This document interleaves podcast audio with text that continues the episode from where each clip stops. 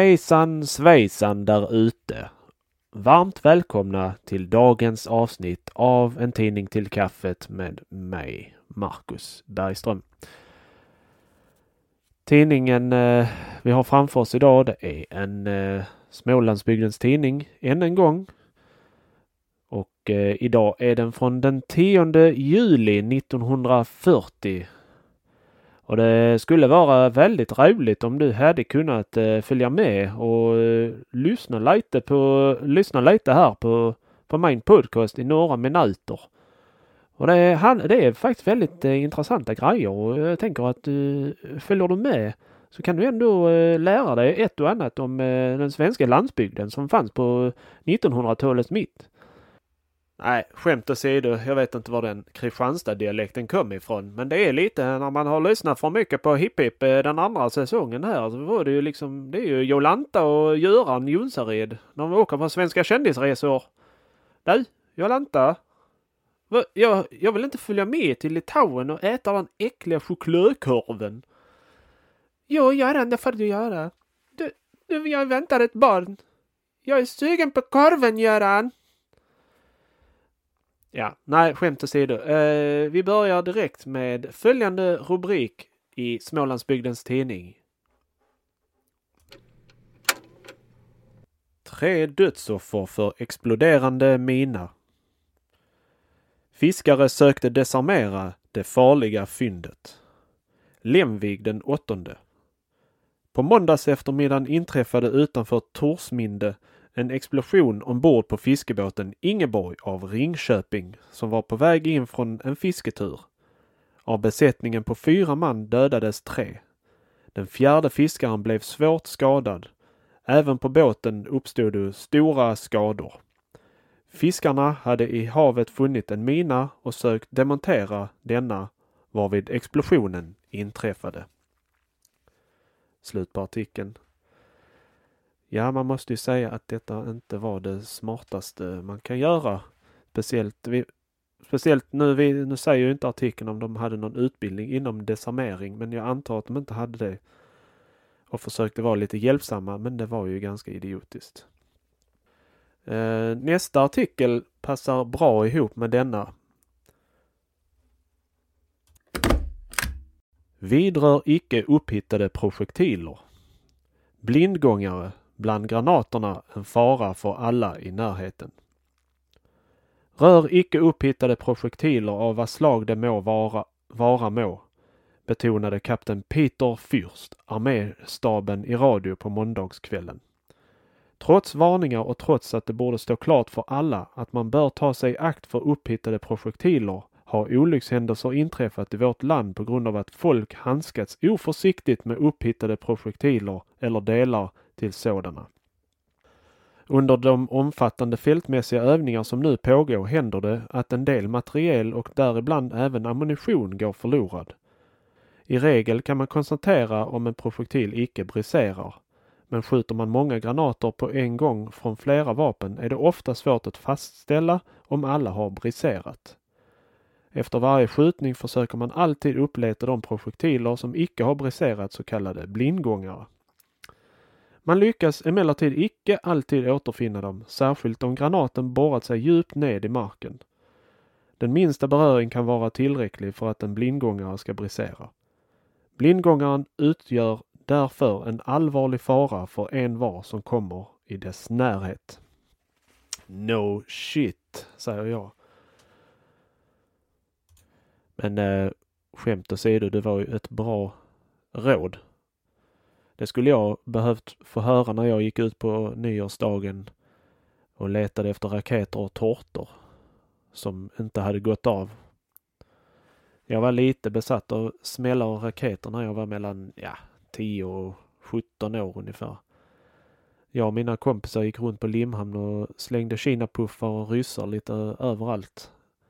Och en gång då när jag var ute på nyårsafton så, eller förlåt, nyårsdagen, så hittade jag en fuktig raket. Jag gick runt där som vanligt och letade efter sådana som man kunde se att de hade stubinen kvar på sig. Så hittade jag en fuktig raket som inte hade gått av och sen så försökte jag få den att skjutas upp. Efter ett tag så stod jag och höll en glödande pinne mot krutet på den och i nästa stund så hörde jag ingenting och såg bara ett grönt ljus. Det gick över efter cirka två minuter och då såg jag att jag blödde på några av mina fingrar. Men det var lite läskigt. Men eh, då fick jag lära mig den hårda vägen. Barnet, inte till för föräldrarnas skull. Barnets överhetspersoner och deras ansvar var ämnet för måndagens diskussion vid Fredshögskolans kurs i Södertälje.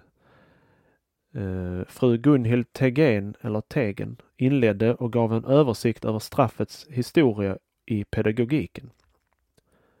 Barnet är vid inträdet i denna värld hjälplösare än andra varelser och förblir längre i händerna på sina överhetspersoner som under den långa barndomen utövar ett för livet avgörande inflytande. Naturen har gjort människan enväldig och ganska allsmäktig över sin avkomma. Barnet uppfostras med andra ord diktatoriskt. Och sedan begära vi att det ska bli en god demokrat. Efter en erinran om gångna tiders uppfostringsmetoder konstaterade Tal att förhållandena långsamt förbättrats genom de stora pedagogernas arbete. Men ännu är kroppsaga tillåten i våra folkskolor. Vår tids upptäckt är att barnet är en individ med egenvärde. Det är inte till för föräldrarnas skull. En radikal pedagog som A.S. Neil anser att lyckligare barn skulle skapa lyckligare och bättre samhällen. Men hur ska vi göra barnen lyckligare så att de blir nyttiga och goda människor? Två vägar leder fram mot en bättre tingens ordning. Den första smala vägen är insikten i de psykologiska sammanhangen och en tillämpning av denna kunskap med god vilja vid uppfostran. Den andra bredare vägen är det demokratiska samhällets väg fram emot ökat välstånd för alla till större, till större tillfredsställelse i arbetet, lyckligare fritid, bättre löner och så vidare. Men de som vandrar på insiktens smala väg måste alltid stå redo att rycka in på den breda vägen för att ge fritiden ett värdefullt innehåll, med ett ord kultivera välståndet. Då kunde vi hoppas på föräldrar och lärare som inte är farliga för det uppväxande släktet. Slut på artikeln. Ja, ni kanske hör att jag är lite förkyld idag. Inte för att någon bryr sig, men eh, bara så ni så vi har det sagt så att elefanten i rummet är ute. Men eh, ja, apropå artikeln då så får jag väl ändå säga att jag tycker att föräldrarnas uppfostran av barn har blivit bättre med tiden. Men visst, det finns ju alltid två sidor av myntet. Och, men i, i ett modernt samhälle så är det nog inte många föräldrar som agar sina barn idag. Det tror jag inte.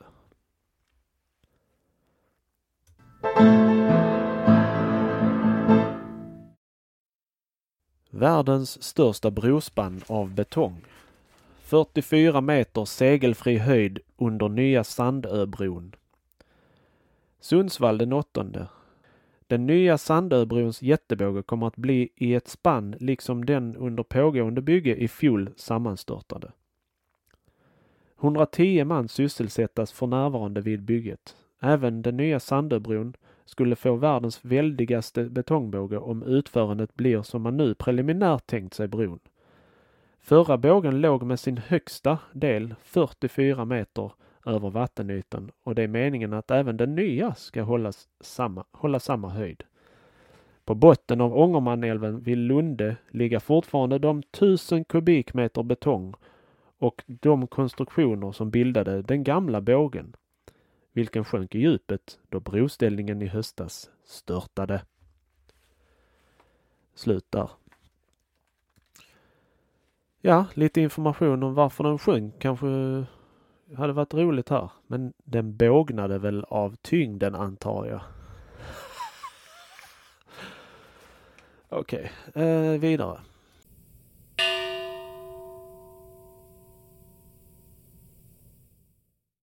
En ny stekpanna som spar in smöret. Härliga biffar kan man nu få utan att använda smör till stekningen om man, nu, om man begagnar en ny apparat som Lagermanska fonden för uppfinnare just belönat med 500 kronor. Uppfinningen som under ett par års tid utarbetats av grosshandlare Knut Nyström i Stockholm består enkelt uttryck av ett underlag för stekpannan varigenom man under denna får ett luftlager vars höjd kan regleras. En termometer i pannans skaft gör det omöjligt att hela tiden kontrollera temperaturen. Äh, förlåt, möjligt. Det finurliga med herr Nyströms apparat som fått ampla lovord av en rad experter är alltså att man i den kan rosta köttet utan att dess saft går förlorad. Men herr Nyström framhåller med uppfinnarens blygsamma stolthet att hans panna duger till mer än så. Ställer han en kastrull i den tar han där kan han där baka bröd som blir så jämnt gräddad att det inte står något annat efter i läckerhet och för närvarande håller han på att fullborda en metod att bereda baked potatoes på ett snabbare och bekvämare sätt än det gamla.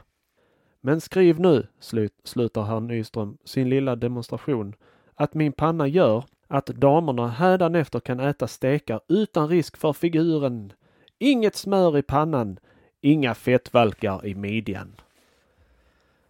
Det var väl ingen... Eh, den fungerade nog som en vanlig stekpanna men det där med att baka bröd i en kastrull, ja.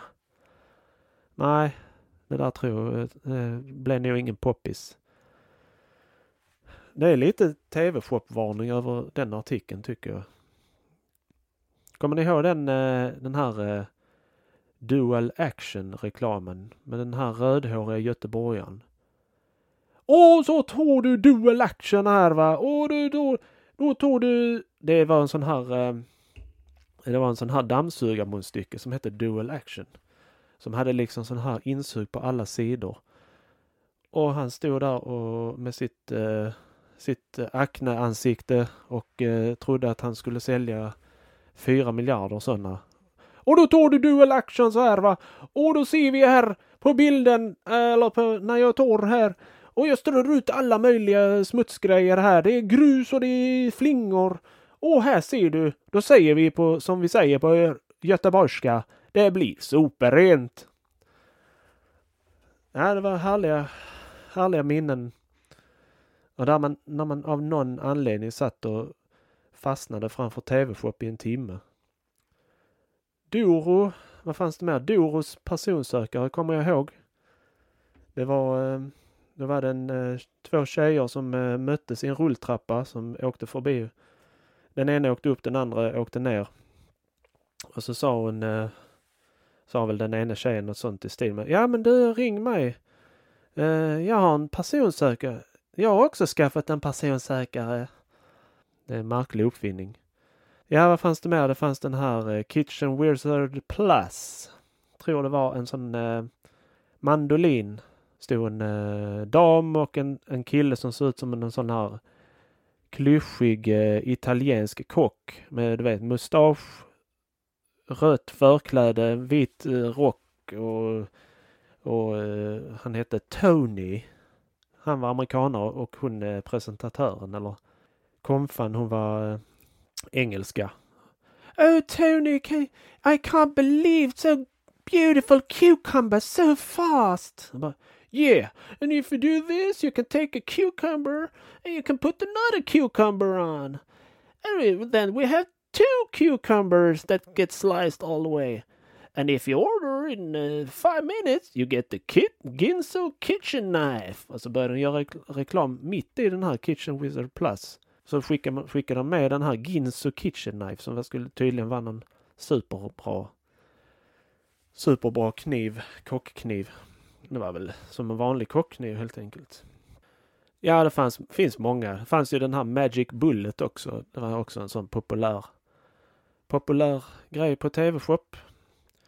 Men jag tror en av de, de mest, tror någon av de uppfinningarna som TV-shop har sålt som används minst av alla, det måste ju vara den här Ab Cruncher om ni kommer ihåg den. Det var någon sorts böjd plåtgrej med en, med en kudde på som man skulle sitta och, och göra sina abs, ab crunches eller sit-ups som det heter. Vad ska man säga om TV-shop då? Ja, det var väl anledningen till att man satt och tittade på det var väl att det var 10% roligt. Sen var det 10% nyfikenhet. 40% var riktigt tråkigt material och 40% där man undrade om det verkligen var något som behövdes. Ja, det var tider det när man satt och glodde på TV-shop. TV, du du du du, bo bo, shop.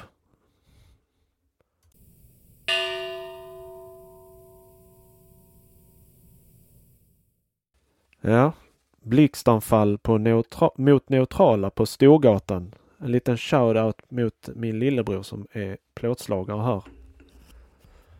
Full plåtslagare misshandlade först en kvinna, så en medlare. Efter våldsamt motstånd mot polis hamnade våldsverkaren i finkan. De skriver faktiskt finkan här. I det numera tysta gatulivet på Östra Storgatan inträffade igår kväll ett avbrott av mindre angenämt slag. Det var en våldsverkare som gick fram med bärsärkarhumör mot flera personer tills han till sist blev fast och hamnade inom lås och bom. En plåtslagare från staden hade supit sig ganska plakat.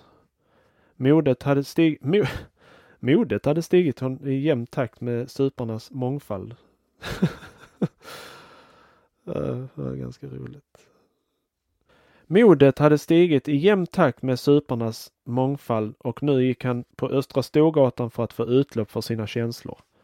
Utanför Östra folkskolan kom en bekant kvinna som han möjligen inte hade allt uppgjort med. Det var kanske något livsrum som han ej fått hyran för. Nu skulle saken göras upp och därför ropade han till damen att hon skulle inleda underhandlingarna med, det, med diktatorn. De till början kanske fredliga förhandlingarna fingo emellertid ett stormigt slut med ett reg regelrätt blixtanfall bestående av tre örfilar. Därmed tyckte plåtslagaren att han fullgjort sitt uppdrag och begav sig på nya jaktmarker. En neutral åskådare till kuppen mot den svaga nationen ansåg sig böra gripa in. Om det var en representant för den omoderna NF-principen så blev hans öde inte bättre än Avenols på sin tid. Det blev även nu en mera modern behandling av tredje man. Även här företogs alltså ett blixtanfall så att den neutrale slogs i gatan. Under tiden hade emellertid den först för förfördelade hunnit hämta sig från överfallet och per telefon underrättat polismakten. Denna sände ut en patrull av två man och efter en stund anträffades våldsverkaren ute på Mellangatan. Här blev det en, en, ny batalj som emellertid slutade med att diktatorn blev avsatt och placerad i en om inte livs så dock mörkrum där plåtslagarens kollega kopparslagaren när detta läses har inställt sig som uppvaktande ambassadör. De fortsatta underhandlingarna komma inför ett opolitiskt forum. Slut på artikeln där. Det var en ganska rolig, eh, rolig beskrivning på eh, och väldigt märklig beskrivning på ett slagsmål slash övergrepp som jag har läst. Men ja. Det måste varit en väldigt galen plåtslagare. Och jag vet inte riktigt varför det var viktigt att nämna att han var plåtslagare men tydligen var det det. Dansk förströelse. I Ry på Jylland finns ett sällskap sportfiskare som en gång om året brukar mötas till ett så kallat ålgille vid vilket medlemmarnas första fiska så mycket att de kunna, de kunna och sedan äta så mycket de kunna. Årets gille höll, hölls för ett par dagar sedan. Sammanlagt fångades 53 ålar som stektes och åtos i det fria. Den som vid dessa tillfällen äter mest utnämnes till ålkung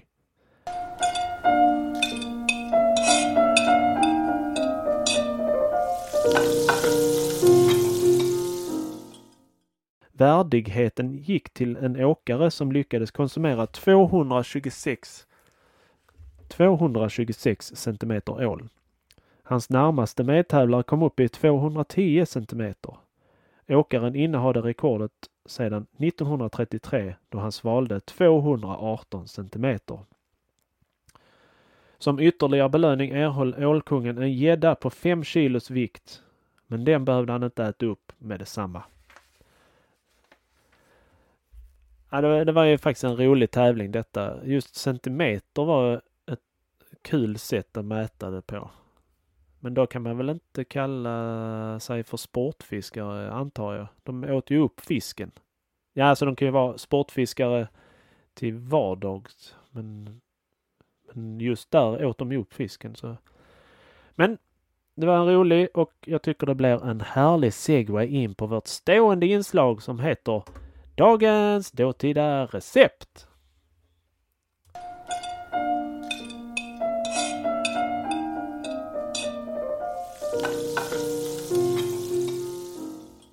Hej, det är jag som är Paolo Roberto. Välkommen, idag ska vi göra en strömmingslåda. Paolo Roberto hade ju aldrig gjort en strömmingslåda, det kan jag säga. Eh, vi har kommit till, eh, till, eh, ja, vi tänkte ta en strömminglåda idag. För sex personer. Det finns med flera olika alternativ, alltså bara välj och vraka vilken strömminglåda ni vill ha. Ja, till den första så tar vi beredning här. Det är 3 till 4 kilo strömming, 2 matskedar smör, 6 till 12 ansjovisar, 3 matskedar stötta skorpor. Beredning. Strömmingarna rensas, bena ur och sköljs väl. Nej, det går inte att göra det med Paolo Roberto. Han kan inte läsa så här gammal text utan att låta ännu dummare. Ansjovisarna rensas, benas ur och skäras i bitar. En omelettlåda smörjas väl och beströs med stötta skorpor. En bit ansjovis läggs i varje strömming och dessa läggas ned i lådan med ryggarna uppåt. Resten av skorporna strös över och smöret läggs i flockar ovanpå. Lådan sättes in i god ugnsvärme. Mot slutet av stekningen kan man tillsätta ett par matskedar gräddmjölk så att strömmingen ej blir för torr. Önskar man kraftigare ansjovissmak kan man tillsätta lite ansjovisspad. På liknande sätt som strömminglåda med ansjovis lagas följande rätter. Strömminglåda med kaviar. Strömminglådan beredes på samma sätt som föregående med ansjovisen ersättes i detta fall med kaviar. Mm, vad gott! Strömminglåda med tomatpuré. Strömmingen förberedes som ovan angivits. Den saltas lätt, rullas samman och läggs i smord form. Tomatpuré hälles över, lite stötta skorpor strös på och sist lägger man på smör i flockar. Lådan gräddas i god ugnsvärme. Ingen ond ugnsvärme, endast god. Strömminglåda med kräftsmör. Mm, vad gott! Strömmingen förberedes som ovan angivits. Den kryddas med lite salt och peppar och läggs ner i smord form. Rikligt med dill strös över och några matskedar smält kräftsmör hällas på. Lådan sättes in i god ugnsvärme att gräddas och spädes under stekningen med lite gräddmjölk. Och till sist här strömminglåda med musslor. Strömmingen förberedes som ovan angivits. Konserverade musslor läggas i botten av en smord form och rikligt med hackad dill strös över. De kryddade strömmingarna läggas ovanpå, lite, lätt, lite stötta skorpor sviktas över och sist lägger man på smör i flockar. Lådan sättes in i god ugnsvärme och spädes under stekningen med lite grädde. Ja, det var väl bra tips här på när vi ändå var inne på ålagille. Alltså det låter väldigt gott med ål får jag säga. Det där, inte att äta 218 centimeter ål men ål är väldigt gott. Det är synd att man inte får äta det längre. Men strömminglåda det är väl inget fel på det. Det är som sagt strömming, sill, sill och strömming. Kanske mer sill. Man ska inte äta så mycket strömming. Vem vill äta strömming från Östersjön? Avloppsinnanhav. Man får väl bara äta typ eh, tre strömmingar i, i månaden där om man inte ska dö av arsenikförgiftning. Men strömming och sill är väldigt underskattat. Och precis som ålen som simmar ut i Sargassohavet som liten och sen äh, återvänder hem till sina hemtrakter när den blir vuxen ska vi se vad en vittberest herre kallar för ett jordens paradis.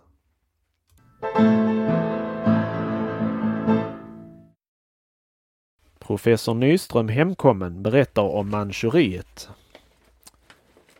På en sommarvacker altan i Ekhagen sitter två flaggor i varsitt hörn. Den ena svensk, den andra med det fria Kinas ännu ganska okända färger. Detta är dock allt som antyder att husets herre just återvänt från östern, ty själv bär professor Erik Nyström inga spår av resor och mödor. Han har också rest vägen förr och gör inte så stor affär av saken, men det hindrar inte att man just nu är särskilt spänd på att få höra vad en västerlänning säger om Ostasien och vad österlänningarna säger om Västeuropa. Vi byggde vår Maginot-linje för 2000 år sedan, men vi byggde den ända ut till havet. Det var Kinas avskedskommentar till, den, till de världshistoriska händelserna i Frankrike. Det är typiskt kinesiskt med sitt långt tillbaka blickande historiska perspektiv och den påminner oss om att kineserna ser på sådana händelser en smula annorlunda än vi. Rent taktiskt och materiellt står sig också det fria Kina bra. Krigsindustrin har organiserats, järnvägar och landsvägar byggas ut, järn och kol finnes och till och med olja har påträffats i Kansu. Ännu är ej heller förbindelserna med yttervärlden avklippta. Om Indokina faller bort återstår Birma. Och åt nordväst behärskar Kina ännu den gamla sidenvägen till Xinjiang och Ryssland. Alltjämt sträcker sig Changs makt över tre fjärdedelar av Kinas yta och två tredjedelar av dess befolkning. Alltså hela Kina utom lågländer, kuster och floddalar. Om Kinas styrka och Japans svårigheter alltså är det kvarstående intrycket då man lämnar Peking så får man en annan inställning i Manchuriet. Vad japanerna uträttat här måste varje opartisk iakttagare ge dem högsta lovord. Landet har blivit ett samskyldigt paradis. På hemresan nu hade vi ett sådant där äkta svenskt sommarväder med små lätta vita moln. Och under denna himmel susade vi fram genom ett bördigt land i ett strömlinjeformat expresståg som gled snabbt och mjukt på världens bästa räls. I restaurangvagnen fick man ett en utmärkt middag för 1,20 yen, vilket blev knappt 10 cent i amerikanska pengar och 30 till 40 öre i svenska. Biljetterna för den 2700 kilometer långa resan kostade inte mer än 22 kronor.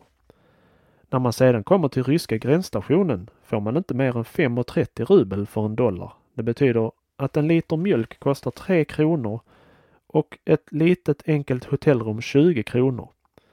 Inte heller är tåget av lyxklass men dock intressant genom de många folkraser som strömmar genom vagnarna under tusenmilafärden genom Sibirien. Värst var det med värmen som slog alla rekord. Vagnarna vore svalaste platsen i Chita och Irkutsk och ändå var det 32 grader där. Slut på artikeln. Eh, det var ju en intressant skildring av professor Nyström här. En sån eh, den sortens resor har väl alla så kallade backpackers gjort idag. Men det var, det var ju en eh, bra dåtidsbeskrivning att man får reda på hur ovanligt det var att göra just de här res resorna och kanske just att det var sådana framstående människor som professorer som, an, som eh, gjorde de här resorna. Ranna hotell, nu semesterhem. Estlands elegantaste hotell, vilohem för arbetare. Det eleganta strandhotellet i den estniska kurorten Pärnu har nu omdanats till ett vilohem för de så kallade arbetets hjältar. I Estland har man som bekant enligt sovjetryskt mönster infört hederstiteln Arbetets hjälte som tilldelas de bästa arbetarna. I Pärnu tillbringar nu 120 manliga och kvinnliga arbetare från olika delar av landet sin semester. Bland annat flera arbetare från statens oljeskifferbrott. Större delen av dem som nu vistas på strandhotellet är äldre arbetare som i ett tiotal år arbetat vid de olika fabrikerna. De flesta skola minst i två veckors tid uppehålla sig vid badorten varefter de avlösas av nya kontingenter. Uppehållet vid hotellet är fritt och staten betalar alla omkostnader i samband med vistelsen vid kurorten. Det eleganta strandhotellet där många svenska turister tillbringat sina sommarferier har fullständigt ändrat utseende. Hotellet har blivit ett proletärt hem för arbetarna och en sträng ordning råder här. Hotellets gäster får ej förtära alkohol och alla måste tidigt gå till sängs. De får inte roa sig utan måste samla krafter för kommande uppgifter. De arbetare som tillbringar sina semester, sin semester på strandhotellet får sina namn publicerade. En 70-årig arbetare som i 52 år arbetat på en fabrik förklarade för journalisten att det han nu upplever mera föreföll honom vara en vacker dröm än verklighet. Sedan han hela sitt liv levat i en trång enrumslägenhet syntes honom strandhotellet med sina parkettgolv, brysselmattor och så vidare vara någonting fullständigt overkligt. Estniske inrikesministern Unt förklarar att regeringen beslutat förvärva ett flertal hus i badorterna, vilka skola inrättas till vilohem för arbetarna. Ja, arbete, arbete, arbete. Det, det måste ju ha varit så kul för den här 70-åriga arbetaren som fick uppleva riktig lyx på ålderns höst. Det måste, ja, han beskrev ju allting. Det kändes som en dröm, sa han. Och då har vi kommit fram till de två sista nyhetsrubrikerna här innan vi börjar läsa dagens bok. Eh, det är från Vetlanda. Det är en sinnessjuk som hotar med en yxa. En till beredskapstjänst inkallad person från Myresjö som under tjänstgöringen blivit sinnessjuk och efter internering hemtransporterats ställde, ställde på söndagen till med svårt uppträde. Sjukdomen tilltog efter hemkomsten varvid han blev våldsam och på söndagens eftermiddag hotade han olika personer med en yxa. Då det visade sig vara svårt att övermanna honom rekvirerades brandbil från Vetlanda som lugnade honom genom att spruta vatten i det rum var i han befann sig. Två personer hade då hunnit tillfoga skador med yxan. Och apropå vatten så går vi vidare till nästa artikel som heter En välkommen rotblöta. En välkommen rotblöta fick Vetlanda och tra trakten däromkring i måndags då det regnade ganska bra i samband med åska. Regnet har gjort gott på säden och valarna och vallarna och för, för övrigt på all växtlighet. Slut på artikeln. Och eh, det var det slut på dagens tidning där. Och efter dessa blöta nyheter så tycker jag att vi sätter på en brasa, kurar ihop oss och värmer oss med en mysig bok. Den boken jag läser just nu är Memoarer från Alger där vi följer den tyska studentens tid i fransk militärtjänst. Ja, det låter lite spretigt och det är det kanske, men dock inte mindre intressant för det. Håll till godo!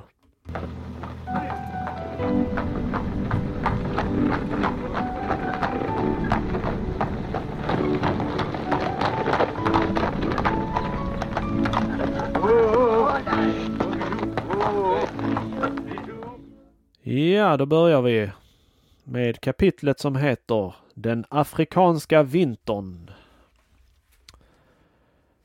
Så länge vädret ännu var torrt kunde man ändock vara tillfreds, ty då om man om aftonen var uttröttad av dagens tunga och hetta kunde man dock på en torr, om också ej från loppor och annan ohyra särdeles ren mark sova och samla krafter för morgondagen Även kunde man tvätta och torka sina kläder och hålla sin kropp åtminstone någorlunda snygg. Helt annorlunda blev allt detta då vintern eller regntiden inbröt. Regnvädret började i januari och varade till medlet av mars så oavbrutet och med sådan häftighet att vattnet inträngde i strömmar genom det mörkna, remfulla taket i våra rum och översvämmande och genomvette hela golvet samt med halmsäckar, gevär och allt. För att giva ett, ehuru svagt, begrepp om vad vi nu i omkring tvenne månader måste utstå behöver jag blott anföra ett ställe ur ett brev, det andra vilket jag skrev från Maison Carré i medlet av mars 1832.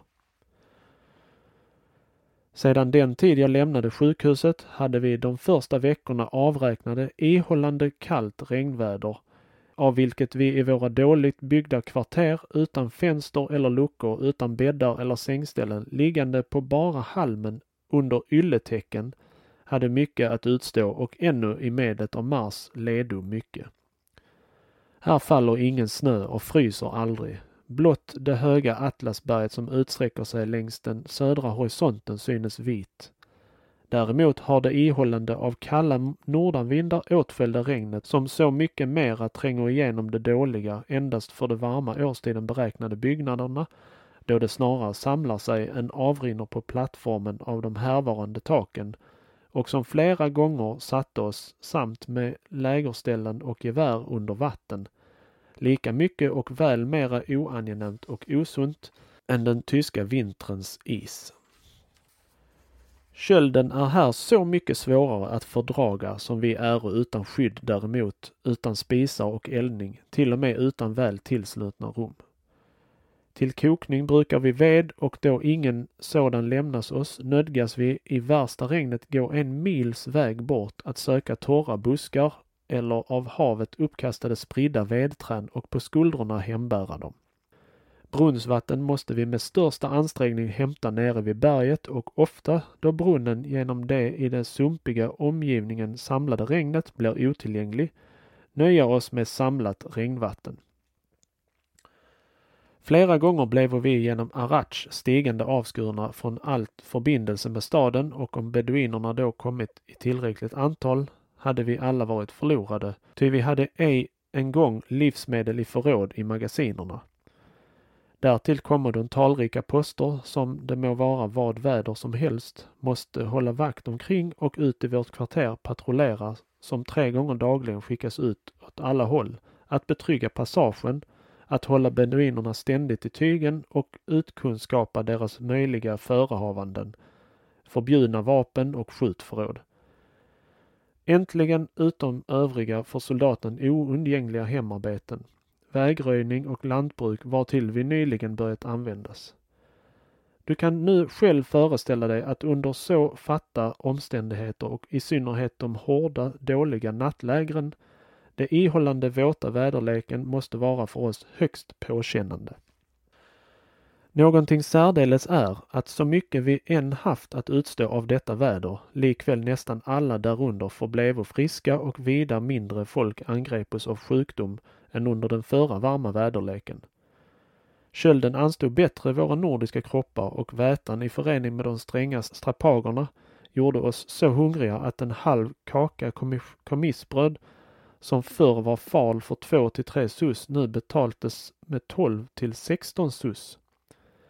Jag kände ännu några veckor en eftersvaghet från sjukhuset i mina lemmar, men min mage var så upprorisk att jag vanligen på en gång tog itu med det om morgonen inhändigande kommissbrödet om halvannan mark, vilket också överhuvud var det klokaste då annars någon uthungrad varg skulle snappat det ifrån mig.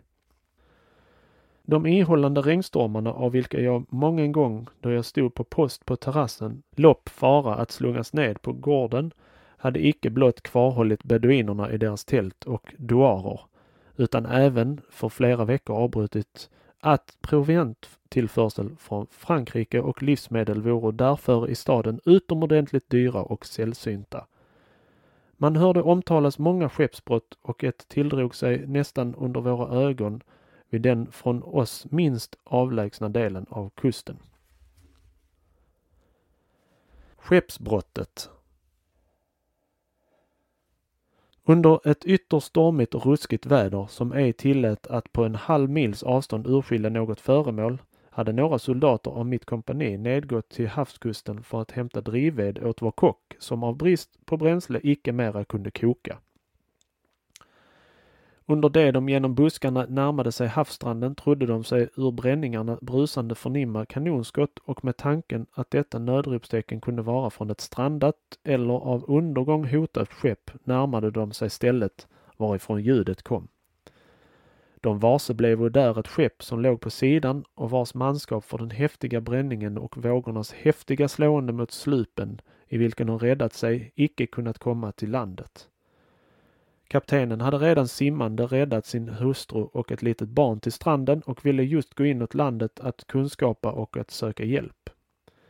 Medelst kraftigt understöd av vårt folk lyckades de, de skeppsbrutna att draga slupen till land och de blevo liksom stelnade av väta och köld förda till Maison Carré, där kaptenen och hans familj blev av vår kommendant och matroserna av de andra officerarna och soldaterna med omsorg skötta. Genast blev även en 40 man stark vakt avsänd till det strandade skeppet för att sätta det i säkerhet för beduinernas röverier, vilka ej långt därifrån hade tältläger och sannolikt skulle gjort processen kort med de förolyckande och deras gods om ej det utomordentliga töckniga vädret hindrat dem att bliva det varse. Då stormen snart därefter något lade sig blev laddningen som bestod av livsmedel, vin, smör, ost och så vidare med våra soldaters tillhjälp förd i land och transporterad i våra kvarter. En stor del var fördärvad och obrukbar, ty vattnet hade intryck, inträngt i alla delar av skeppet, men våra soldater funno ändock månget smör och vinfat gott nog att förtjäna tagas i förvar genom häckarna och i sanden för att sedermera vid lägligt tillfälle bliva tömda. Soldaterna som så väsentligt bidragit till skeppsmanskapets räddning erhöll sedermera en belöning. Duaren Utan, utom en ny organisation och fördelning av legionen skulle jag icke så länge stannat i Maison Carré då första bataljonen sedan den varit förlagd där i tre månader flyttades tillbaka till Mustafa. Men då i oktober den andra och i januari även den tredje bataljonen ankommit företogs i februari månad en ny indelning av kompanierna genom vilken mitt kompani ifrån det andra i det första blev det första i den tredje bataljonen och just då tredje bataljonen avlöste blev jag med mitt kompani indelt på den. All vår beröring med beduinerna hade hittills bestått i att taga i ögnasikte och undersöka de förbifarande om de icke medförde vapen eller skjutförråd. Under hela förloppet av vintern hade vi aldrig hos dem blivit varse ringaste fientligaste avsikt.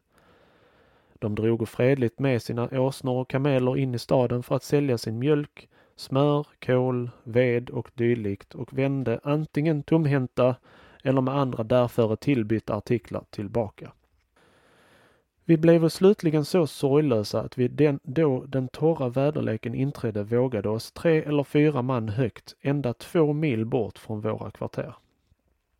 Blott en mil från oss var en nomadisk stam lägrad och ofta gjorde jag med några kamrater besök där utan att det minsta hade hänt oss. De många hundar som bevakade denna duar vore oss vida fientligare än människorna. Ty då beduinerna såg att de ville bita oss ropade de till, strax tillbaka, inbjöd oss att komma närmare och bjöd oss att dricka av deras haleb, mjölk. Jag blev till slut genom täta besök så förtroligt med dem att de tillät mig att på nära håll taga allt i ögnasikte. Blott i avseende på deras kvinnor vore de misstrogna. Detta var den enda duar vilken jag kom i fredlig beröring. I alla övriga vilka jag fann lägenhet betrakta närmare uppträdde jag som förhärjare och fiende. Duaren låg i nordost från Maison Carré, en halv mil från havet och på ett åt alla sidor öppet runt omkring helt och hållet ouppodlat för övrigt betesrikt fält, vilken blott här och där genomskars av några kaktusstängslen. Ett av dessa bildar en fyrkant vares beduinerna om natten inspärrade sina jordar. Lägret självt var blott omgivet av en låg inhägnad av torrt ris och törnen och innehöll omkring 20 tält som utan bestämd plan låg om varandra, somliga på närmare, andra på betydligare avstånd. Dessa tält bestod av flera i jorden nedslagna pålar, vilka ovantill förenade sig spetsigt och vore övertäckta med stycken av ett av svart gethår vävt tyg och delvis även med djurshudar. De vore omkring 15 fot långa och 6 till 8 fot breda. Höjden kunde gå till 7 fot. Varje tält var delt i tvenne rum, det ena bestämt för karlarna, det andra för kvinnorna. Dessa båda avdelningar vore skilda från vartandra genom ett ylletäcke som var draget tvärs över tältet och fästat vid den tränne medelsta pålarna i detsamma. Avdelningarna för kvinnorna, i vilken jag här och där kastade en flyktig blick, syntes mig vara tältets egentliga skräprum. Där befunne sig kökskärl, smör, mjölk och vattensäckar. Även getter får och hundar såg jag springa där ut och in. Mjölken av sina jordar förvarar beduinerna i säckar av garvade eller även ogarvade med håret inåt vända getskinn, vilket väl icke ser särdeles aptitliga ut men är ganska ändamålsenliga då de är lätta att transportera och bibehålla mjölken mycket frisk. Dessa säckar hava upp till en trång mynning, vilket är tillbunden med ett snöre. På den sura mjölken som vid smörblandningen blir övrig äro de mycket frikostiga, men icke så med den söta, av vilken de hellre göra smör. Detta bereds på följande sätt. Mjölken sättes över en lindrig eld och ett litet, och litet sur mjölk eller ett litet stycke av, en, av ett ungt lams torkade tarmar lägges däri. Mjölken skär sig då och hälles därpå i en säck av getskinn, vilken skakas om i några timmar. Smörsubstansen yster då. Vattnet utpressas och smöret läggs i förvar ute i en lädersäck eller fylles i lerkrukor för att säljas. Kärnmjölken är jämte vatten beduinernas vanligaste dryck och föres till och med av dem till staden till försäljning. Till malning betjänar de sig antingen av stenmortel eller en handkvarn som består av tvenne stenar av vilka de den övre vrides omkring på den undre varunder sädeskornen som är däremellan söndermalas. Det sålunda vunna mjölet blir då siktat men det behåller alltid en stark tillsats av kli. Vanliga sättet att baka bröd är följande. De lägger på marken flera stenar i en krets och antänder över dem en klar eld. Då stenarna blivit nog upphettade undanröjes elden och degen bredes utöver de hela stenarna. Höljes därefter av glödande aska och lämnas under den så länge tills den är fullkomligt bakad. Ett annat göromål som araberna själva vete ombesörja är vävnad. De begagnade därtill en mycket enkel vävstol. Den består av tvenne korta stavar, vilken stickas på visst avstånd ned i jorden, allt efter den önskade bredden på det stycke som ska vävas. En tredje stav lägges tvärs över dem. På omkring fyra alnars avstånd från dessa stavar bliva tredje andra anbragta på lika sätt och över de bägge horisontellt liggande stavarna ränningen. Ett trådstycke tjänar till vävsked och ett kort spetsigt horn användes att tillslås trådarna i vävskeden. Vävstolen står framför kvinnornas tältavdelning, Muharrem, och skötes av dem och deras döttrar. Spinnrocken är även hos dem bruklig. En anmärkning som jag gjorde varje gång jag kom till denna duar var den att under män, männorna gjorde ingenting. Kvinnorna måste förrätta alla göromål. Jag hörde även sedermera av sådan som efter att längre tid hava levat som slavar bland beduinerna kommit tillbaka att kvinnorna vore uteslutande belastade med alla göromål och förrättningar för hushållet. Det gäller hos alla araber för varelser vilkas enda plikt består i barnafödande, kokande och arbetande. De mala vete på handkvarnen och i mårten, de bereda frukost och middagsmat, de bakar bröd, bereda smör, hämta vatten, arbeta i vävstolen, laga tälttäckena och äro med ett ord outtröttliga. Under det deras män, männor pläga sträcka sig på sina hårmattor och behagligt röka sina pipor. Med allt detta får de i sin muharrem intet annat att äta än vad männorna lämnar övrigt. Och när till exempel ett lamm slaktats ger man dem sällan annat kött än huvudet, fötterna eller innanmätet. Även på resor behandlas de ofta ganska smädligt av de, deras män. Ofta såg jag en beduin på sin åsna efter en häst trava över sand och buskar under det hans hustrun ensam eller till och med med ett barn på ryggen sprang ut med honom. Vid en sådan behandling blev naturligtvis kvinnorna lika härdade som männen och jag har ofta sett dem springa genom tistlar och törnen varest jag med min goda skodom blott med möda kunnat komma fram. Vad jag redan iakttagit i förstaden Babazon fann jag även bekräftat i denna duar, där jag tvenne gånger kunde vara vittne till beduinernas måltid och till och med av dem inbjöds att taga del däri. Jag sporde ingen stor appetit därtill, ty det gingo tämligen osnyggt tillväga. De rände hela handen i den framför de stående rätten, en slags kuskusu, och formerade med fingrarna kulor av ett hönsäggs storlek som de slöko i sig.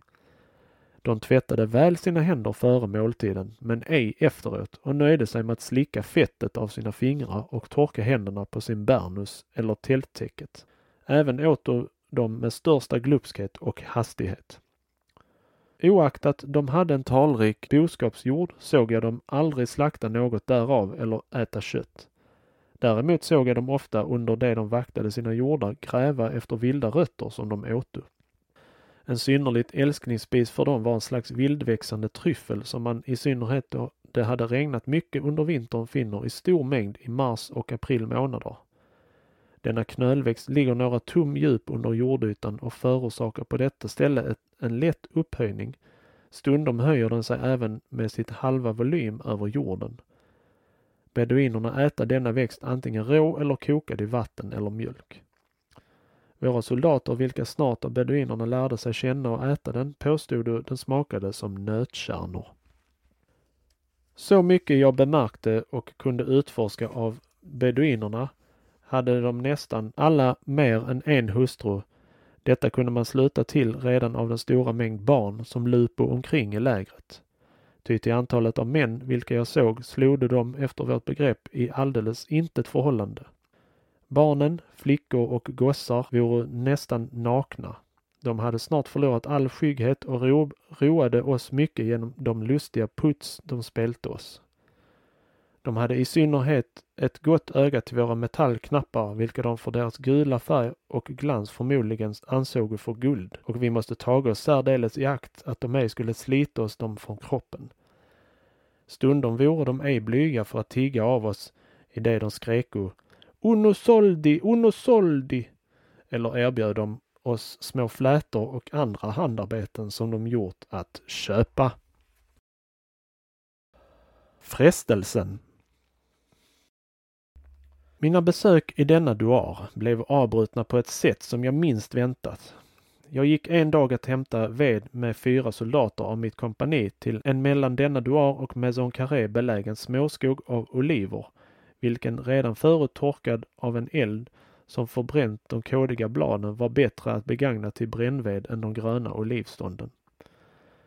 Jag ville begagna tillfället att göra mina beduinvänner ett besök och begav mig med deras med de fyra yxorna och pikarna vilka vi medtagit för vedens fällande och vilka jag, för att lätta deras börda, tagit av mina kamrater ensam till lägret.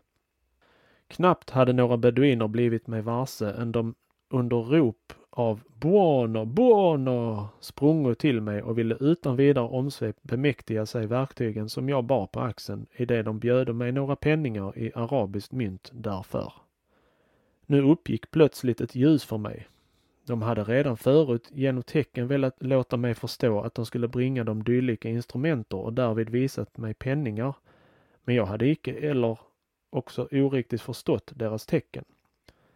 Även hade de utan att visa något gevär ofta ställt sig som de sköto in i buskarna och därvid talat om polvere, vilket jag också ej förstått.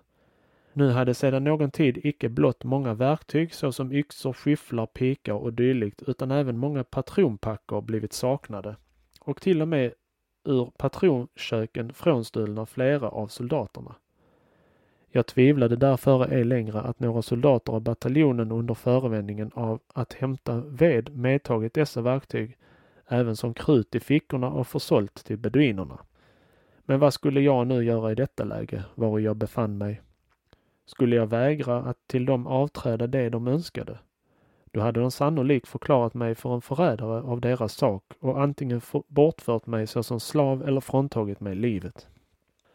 Klokare var det att giva mig utseende av att med flit hava ditfört verktygen för dem och jag överlämnade dem åt dem i den fasta vissheten om att snart få dem tillbaka. De gåvor mig därför några små arabiska mynt vilka ej utgjorde fjärdedelen av vad verktygen vore värda och påminte mig genast återigen om de förut brukade tecknen, vilka jag nu bättre förstod om krutet. Jag lovade att ännu samma dag skaffa dem något mer till och med, tänkte jag, än de önskade och detta gjorde deras förtroende oinskränkt. Jag vore, sa de, en buono alemano, franceschi non buono, remi el beit, andar in montagna, mangiare buono, molte mocera, niccia, niccia buono, det vill säga jag vore en god tysk. Men fransoserna är goda. Jag skulle bryta upp med dem och draga in åt bergen. Jag skulle få äta gott och få många kvinnor och så vidare. Under det de genom denna italiensk-arabiska rotvälska vars mening de för övrigt gjorde mig begriplig mera genom sin pantomin än sina ord uppoffrade mig att rymma låtsades jag som jag ville gå in på allt och tecknade åt dem att jag endast ville lämna mina vapen och övriga saker för att åter komma till dem. Men detta löfte skilde jag ifrån dem i avsikt att genast få befälhavaren anmäla vad som hänt mig. Denna uppfordran till desertering gav mig nyckeln till en annan, dittills oförklarlig omständighet. Sedan någon tid hade flera soldater och underofficerare av vår bataljon blivit saknade och man hade dittills allmänt trott att de gått bort till staden och där uppehöll sig. Nu var det på en gång tydligt att beduinerna i den närbelägna Duaren förlett dem till att rymma inåt landet. Jag gav genast min kapten rapport om mitt äventyr och denne vidare åt kommendanten.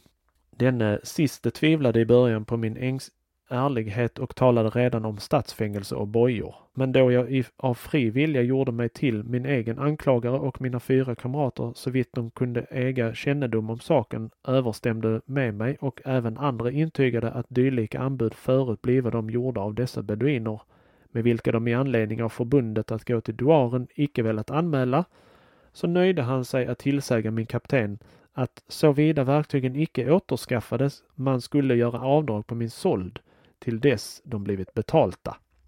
Hans oklokhet att hava tålt en fientligt, åtminstone misstänkt stam så nära insåg han nu sannolikt själv, men begick en nytt dumt streck. Att ej genast utan först följande morgon avsända ett detachement att innesluta dem. Ty då vi kom på ort och ställe fanns inte ett enda tält mer att se och åtminstone jag betvivlade icke de verktygs och krutförsäljare av fruktan att i händelse av undersökning och konfrontation med beduinerna bliva förrådda hade varnat dem.